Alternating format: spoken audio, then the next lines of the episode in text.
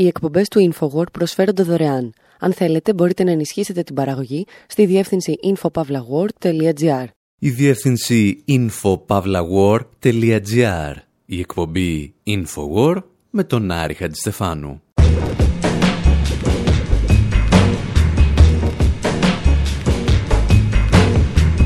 όπου σήμερα υψώνουμε ψεύτικες σημαίες στα πειρατικά μας καράβια και βάζουμε πλώρη για τον κόλπο του Ομάν.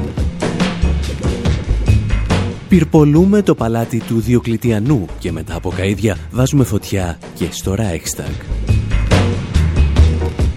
Παραγγέλνουμε ρωσικές στρατιωτικές στολές στο ράφτη της Βασιλικής Όπερας της Σουηδίας και ξεκινάμε έναν πόλεμο στον οποίο κανένας δεν ήθελε να πολεμήσει. Με αφορμή δηλαδή τις επιθέσεις σε δύο δεξαμενόπλια στον κόλπο του Ομάν, υποθέτουμε ότι τα πράγματα δεν είναι έτσι, επειδή έτσι θέλουν να νομίζετε οι Ηνωμένες Πολιτείες.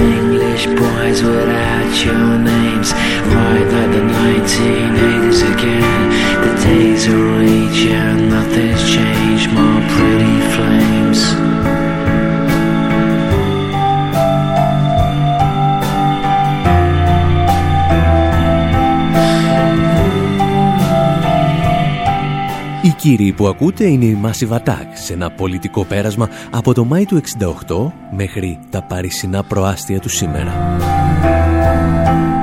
Τραγουδούν για εξεγέρσεις, για αμερικανικά μαχητικά αεροσκάφη, αλλά και για false flags, δηλαδή για ψεύτικες σημαίες όπου False Flag ονομάζεται μία μυστική επιχείρηση στην οποία ο δράστης προσποιείται ότι είναι κάποιος άλλος για να αποδώσει αλλού τις ευθύνες και να πυροδοτήσει εξελίξεις. Συνήθως για να ξεκινήσει έναν πόλεμο.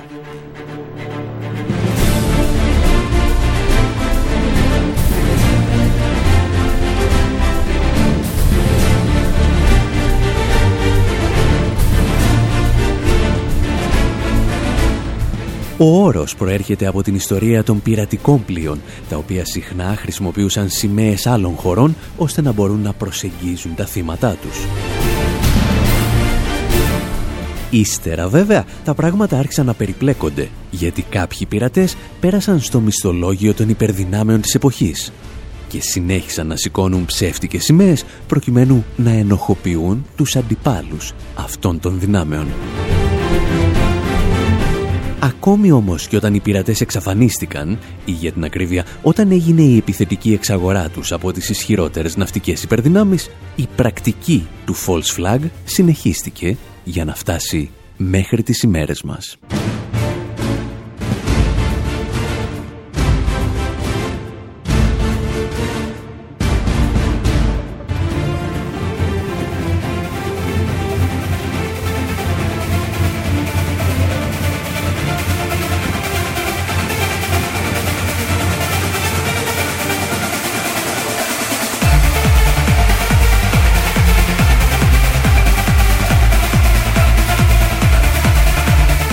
Το remix του Tiesto στη μουσική από τους πειρατές της Καραϊβικής μας φέρνει στο 2019 όταν ο Αμερικανός Υπουργός Εξωτερικών Μάικ Πομπέο ανακοίνωνε με στόμφο ότι πίσω από τις δύο επιθέσεις που πραγματοποιήθηκαν σε δεξαμενόπλοια στον κόλπο του Ομάν βρίσκεται το Ιράν. This is only the latest in a series of attacks instigated by the Islamic Republic of Iran and its surrogates against American and allied interests.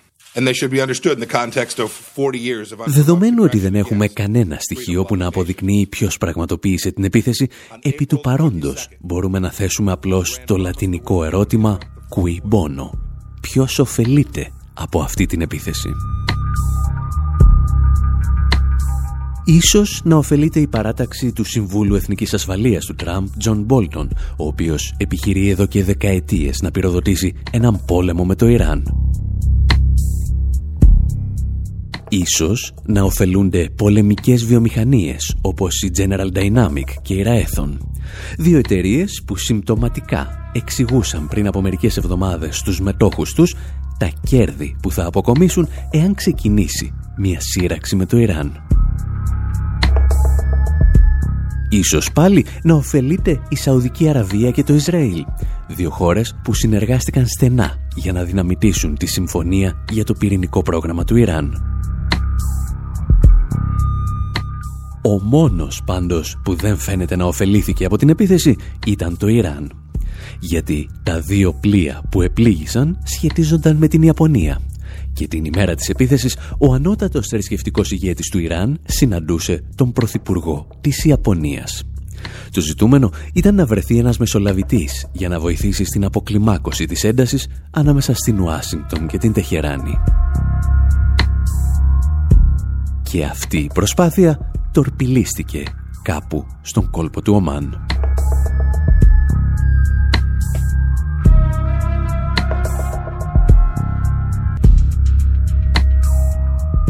Θα επανέλθουμε σε κάποια άλλη εκπομπή σε αυτή την ιστορία με νεότερα στοιχεία.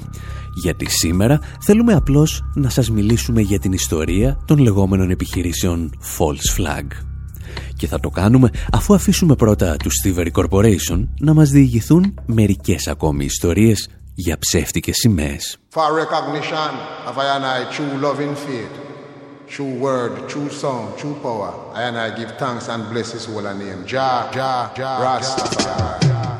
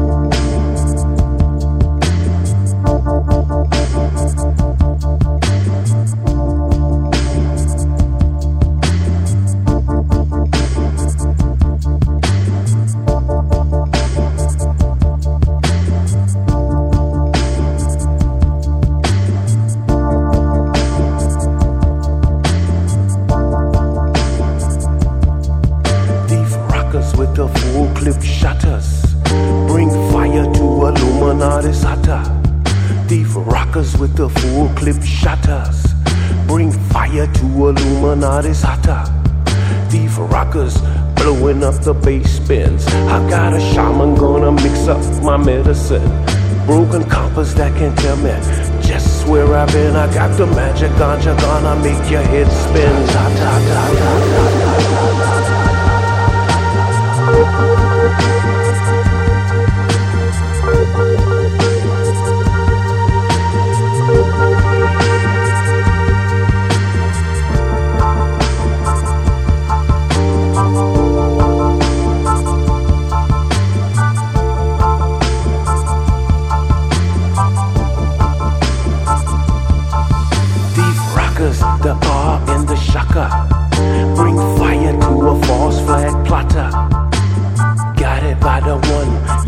the most high.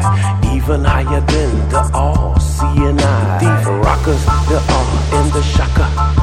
Bring fire to a false flag plotter. Guided by the one, yes, the most high. Even higher than the all seeing eye.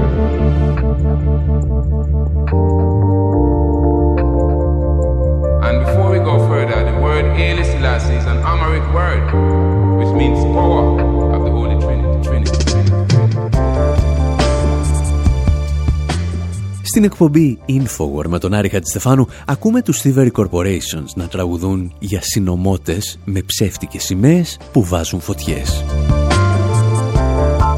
Και ίσως θα μπορούσαν έτσι να τραγουδάνε για την πρώτη επιχείρηση False Flag στην ιστορία της ανθρωπότητας την μεγάλη πυρκαγιά στο παλάτι του Διοκλητιανού. Το ημερολόγιό μας γράφει Φεβρουάριος του 303 και βρισκόμαστε στην Οικομίδια, το σημερινό Ισμίτ της Τουρκίας. Μια τεράστια πυρκαγιά καταστρέφει το παλάτι του Διοκλητιανού και οι αυλικοί πείθουν τον αυτοκράτορα ότι την ευθύνη φέρουν ομάδες χριστιανών που συνεργάζονταν με τους ευνούχους του παλατιού. Ο Διοκλητιανός, χωρίς να μπει στον κόπο να διατάξει έστω μια τυπική ένορκη διοικητική εξέταση, αρχίζει να βασανίζει και να εκτελεί δεκάδες χριστιανούς. Σε ορισμένους αφαιρεί το δέρμα και ρίχνει στις πληγές τους ξύδι και αλάτι. Αυτό που οι Χουβερφόνικ θα έλεγαν vinegar and salt. Αν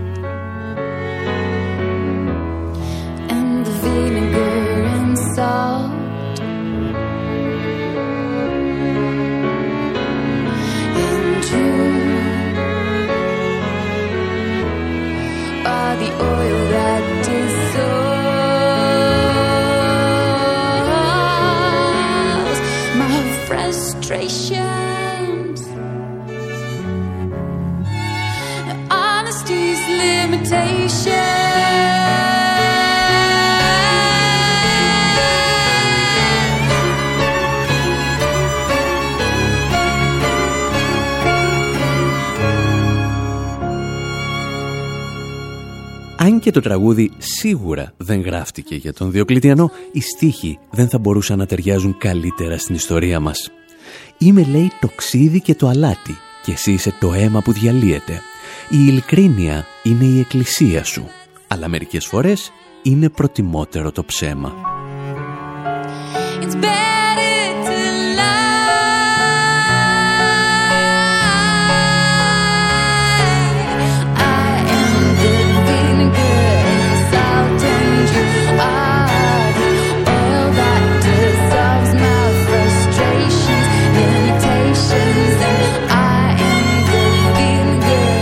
Η πυρκαγιά στο παλάτι του Διοκλητιανού χαρακτηρίζεται από αρκετούς ιστορικούς σαν το Reichstag του 4ου μετά Χριστόν αιώνα. Οι ομοιότητες με την πυρκαγιά στο Γερμανικό Κοινοβούλιο στα χρόνια της ναζιστικής Γερμανίας είναι πραγματικά εντυπωσιακές. Ο Διοκλητιανός θα χρησιμοποιήσει τη φωτιά σαν πρόσχημα για να εντείνει τις διώξεις εναντίον των χριστιανών και ο Χίτλερ θα πατήσει στα αποκαίδια του Ράιξταγ για να ξεκινήσει το μεγάλο πογκρόμ εναντίον των πολιτικών του αντιπάλων. Πρώτα δηλαδή των κομμουνιστών.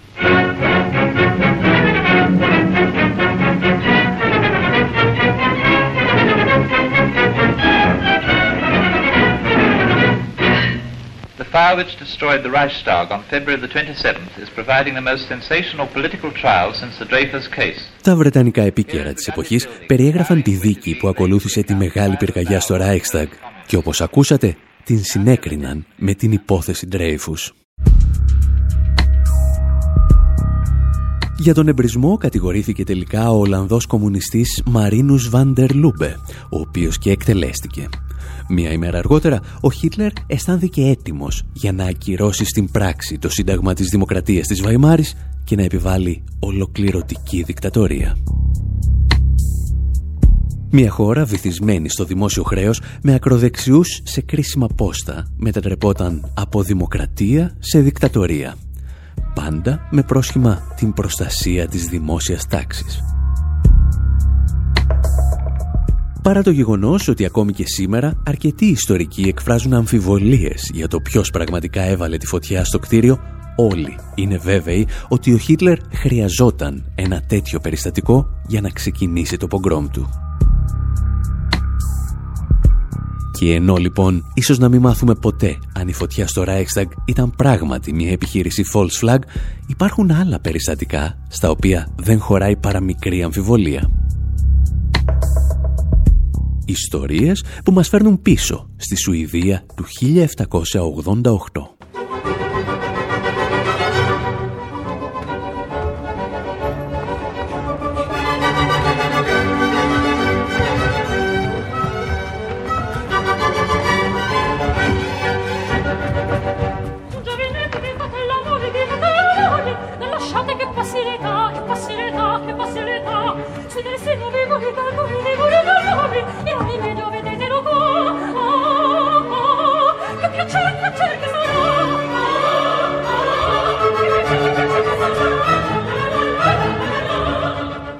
Βρισκόμαστε στα παρασκήνια της βασιλικής όπερας της Σουηδίας, που εκείνη την εποχή ίσως και να ανέβαζε την όπερα Don Giovanni.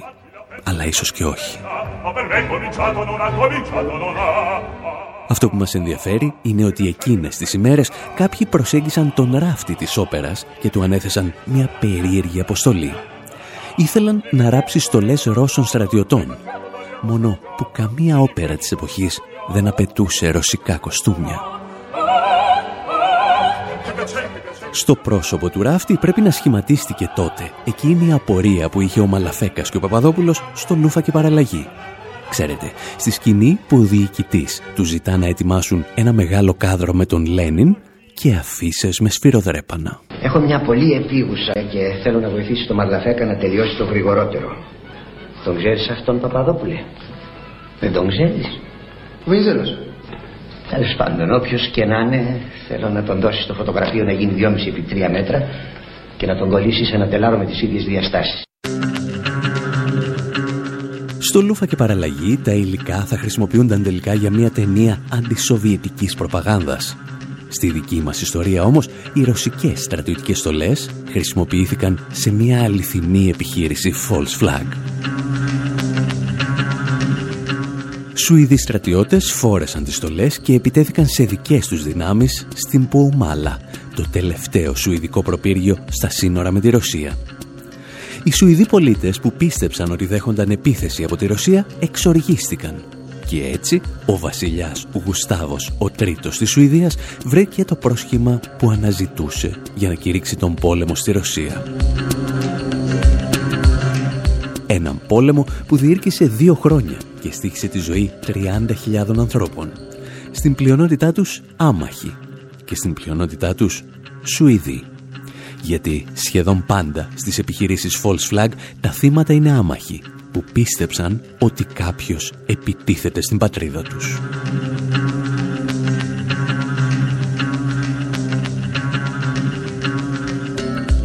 Εμείς θα επιστρέψουμε στο δεύτερο μέρος της εκπομπής υψώνοντας περισσότερες ψεύτικες σημαίες. Να θυμάστε ότι ιστορίες σαν κι αυτές θα βρείτε πολλές στην ιστοσελίδα μας info.pavlawar.gr Και από εκεί μπορείτε να παρακολουθήσετε και το τελευταίο μας ντοκιμαντέρ Make the Economy Scream για τη Βενεζουέλα ή αν θέλετε να μας ενημερώσετε για τις προβολές που εσείς θέλετε να διοργανώσετε.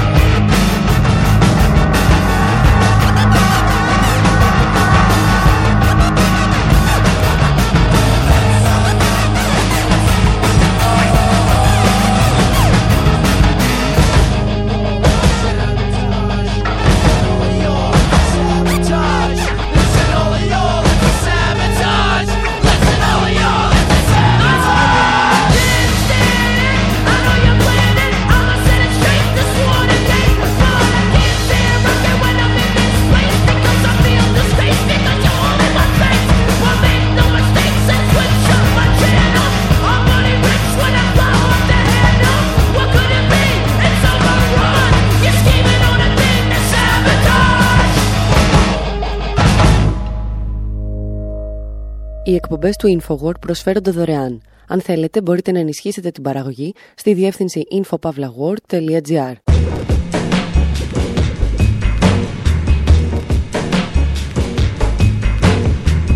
Εκπομπή InfoWar, μέρος δεύτερο. Όπου σήμερα συζητάμε για επιχειρήσεις false flag. Επιχειρήσεις δηλαδή που πραγματοποιεί μία χώρα ή μία οργάνωση προσποιούμενη ότι είναι κάποιος άλλος, προκειμένου να πυροδοτήσει τις εξελίξεις που επιθυμεί. Συνήθως έναν πόλεμο. Και όλα αυτά μας ήρθαν στο μυαλό ακούγοντας πριν από λίγες ημέρες τον Υπουργό Εξωτερικών των Ηνωμένων Πολιτειών Μάικ Πομπέο να αποδίδει στο Ιράν την ευθύνη για τις επιθέσεις σε δύο δεξαμενόπλια στον κόλπο του Ομάν. This is only the latest in a series of attacks instigated by the Islamic Republic of Iran and its surrogates against American and allied interests.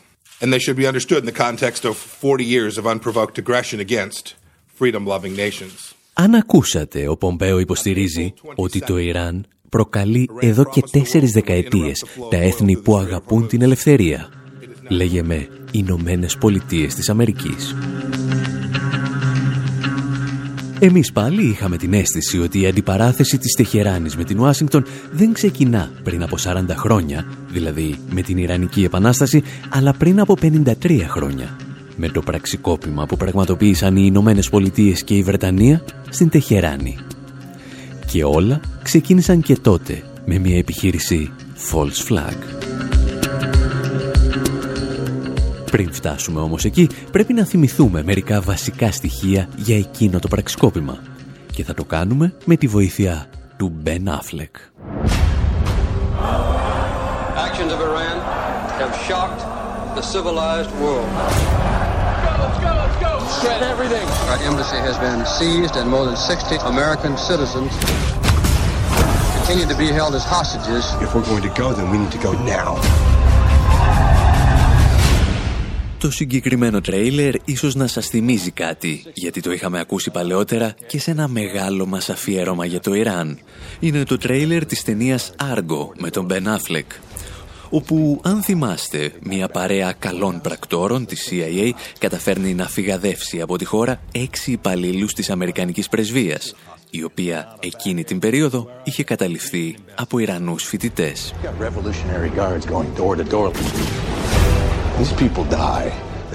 Η ταινία, αν θυμάστε, λέει μόνο ένα τμήμα της αλήθειας.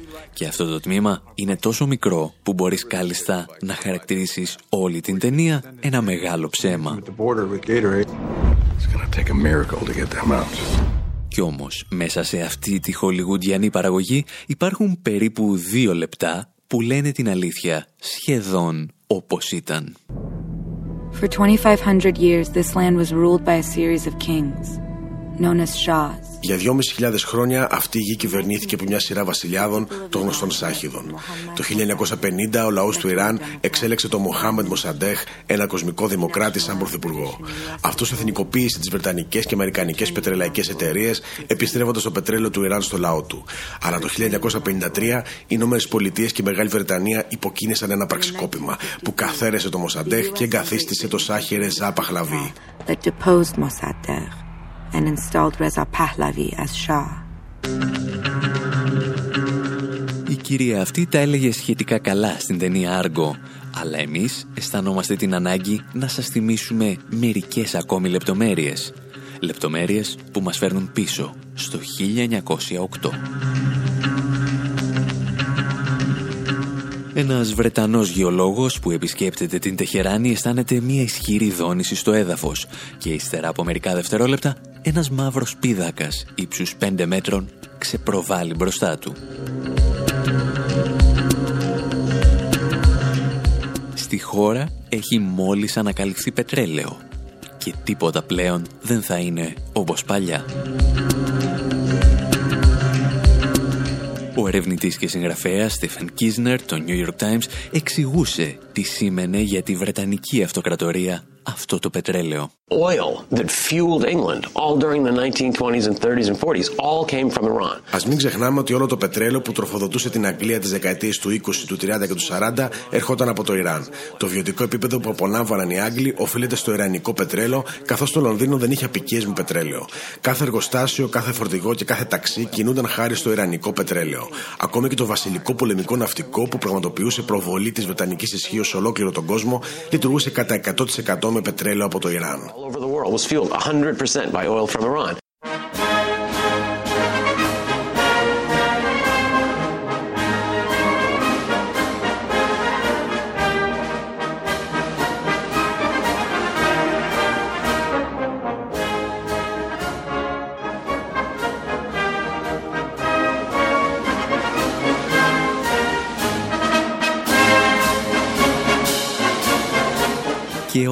Κυλούσαν καλά στο Ηνωμένο Βασίλειο, μέχρι που όπως ακούσαμε ο Ιρανικός λαός έφερε στην εξουσία τον Μοχάμετ Μοσαντέκ. Έναν πολιτικό, ο οποίος αποφάσισε να εθνικοποιήσει τα κοιτάσματα του Ιρανικού πετρελαίου, επιστρέφοντας στο λαό τη φυσική του περιουσία. Ο Τσόρτσιλ απαντά κηρύσσοντας διπλωματικό πόλεμο, επιβάλλει εμπάργο και επιχειρεί να σύρει την Τεχεράνη στα διεθνή δικαστήρια. Οι προσπάθειες του όμως είναι των συφοριασμένων.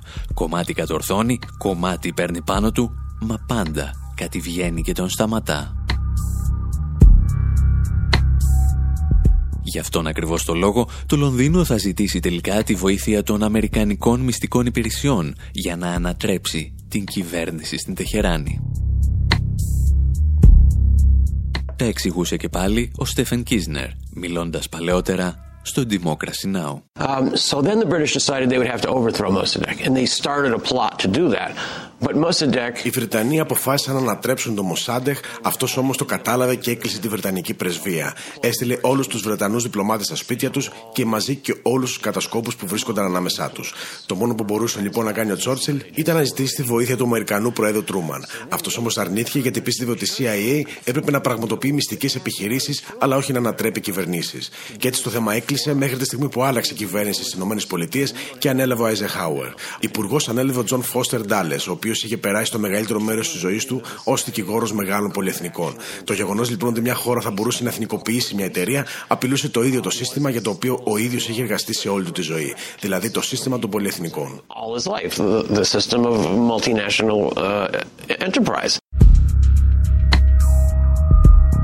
Ο κύριος Κίσνερ τα λέει αρκετά καλά, αν και έχουμε να κάνουμε μία μικρή παρατήρηση. Η CIA είχε συνδράμει και στο παρελθόν στην ανατροπή μιας κυβέρνησης στη Μέση Ανατολή. Συγκεκριμένα, το 1949 στη Συρία είχε βοηθήσει τον επιτελάρχη Χούσνι Αλ Ζαΐμ να αναλάβει με πραξικόπημα τη διακυβέρνηση της χώρας. Και ο Ζαΐμ αισθάνθηκε την ανάγκη να ανταποδώσει, κατασκευάζοντας τον πολυπόθητο για τις Ηνωμένες Πολιτείες αγωγό Tap Line, που μετέφερε πετρέλαιο από τη Σαουδική Αραβία στις ακτές της Μεσογείου. Το βέβαιο πάντως είναι ότι με το πραξικόπημα στο Ιράν το 1953 δημιουργείται το εγχειρίδιο του καλού πραξικοπηματία, το οποίο θα χρησιμοποιηθεί σε όλο το δεύτερο μισό του 20ου αιώνα.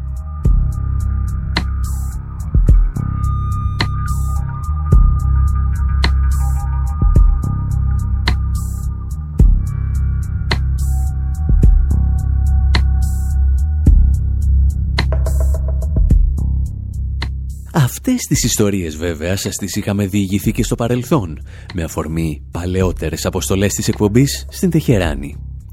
Αυτό που δεν σας είχαμε πει είναι ότι στον πυρήνα του πραξικοπήματος του 1953 στο Ιράν βρίσκονταν και αρκετές επιχειρήσεις false flag, για τις οποίες συζητάμε σήμερα.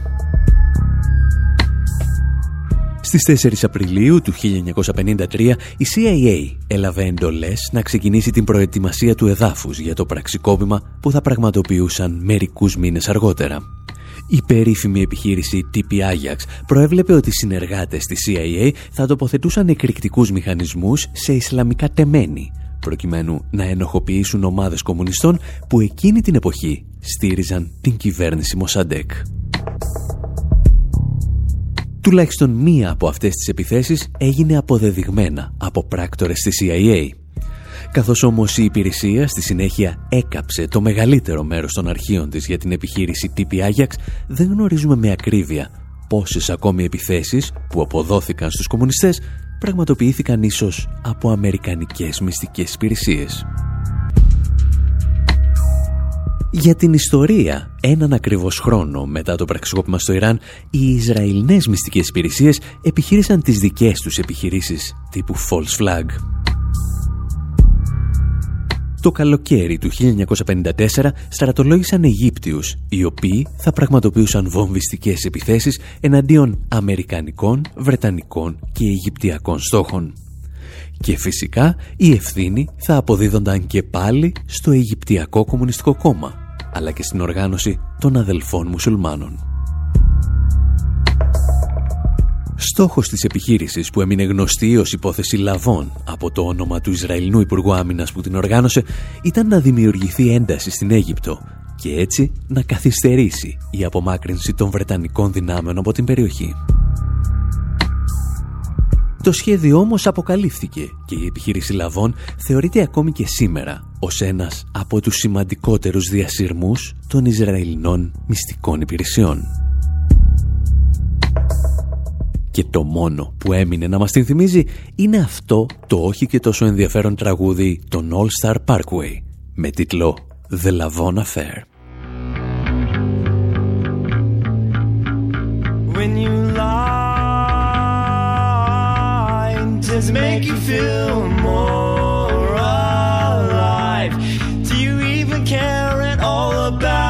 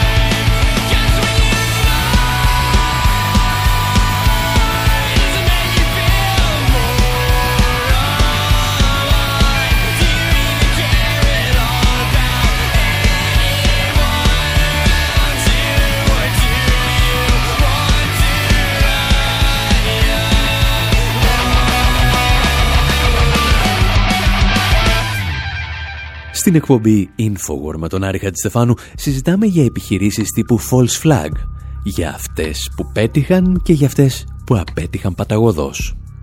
Και στην πρώτη κατηγορία θα πρέπει να εντάξουμε μάλλον και αρκετές επιχειρήσεις οι οποίες δικαιολόγησαν την εμπλοκή των Ηνωμένων Πολιτειών στον πόλεμο του Βιετνάμ. Έτσι τουλάχιστον μας έμαθε να σκεφτόμαστε ο Γκραχαμ Γκριν με το βιβλίο του «Ο ήσυχος Αμερικανός». Μια ιστορία την οποία πρέπει να πιάσουμε από τις αρχές της δεκαετίας του 50 και να μεταφερθούμε κάπου στη Σαϊγκόν.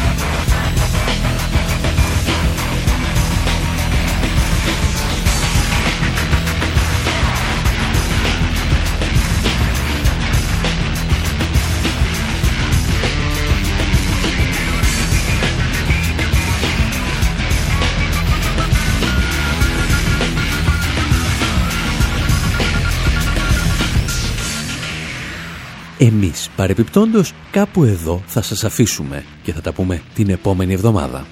Από τον Άρη Χατζηστεφάνου στο μικρόφωνο και τον Δημήτρη Σταθόπουλο στην τεχνική επιμέλεια, γεια σας και χαρά σας.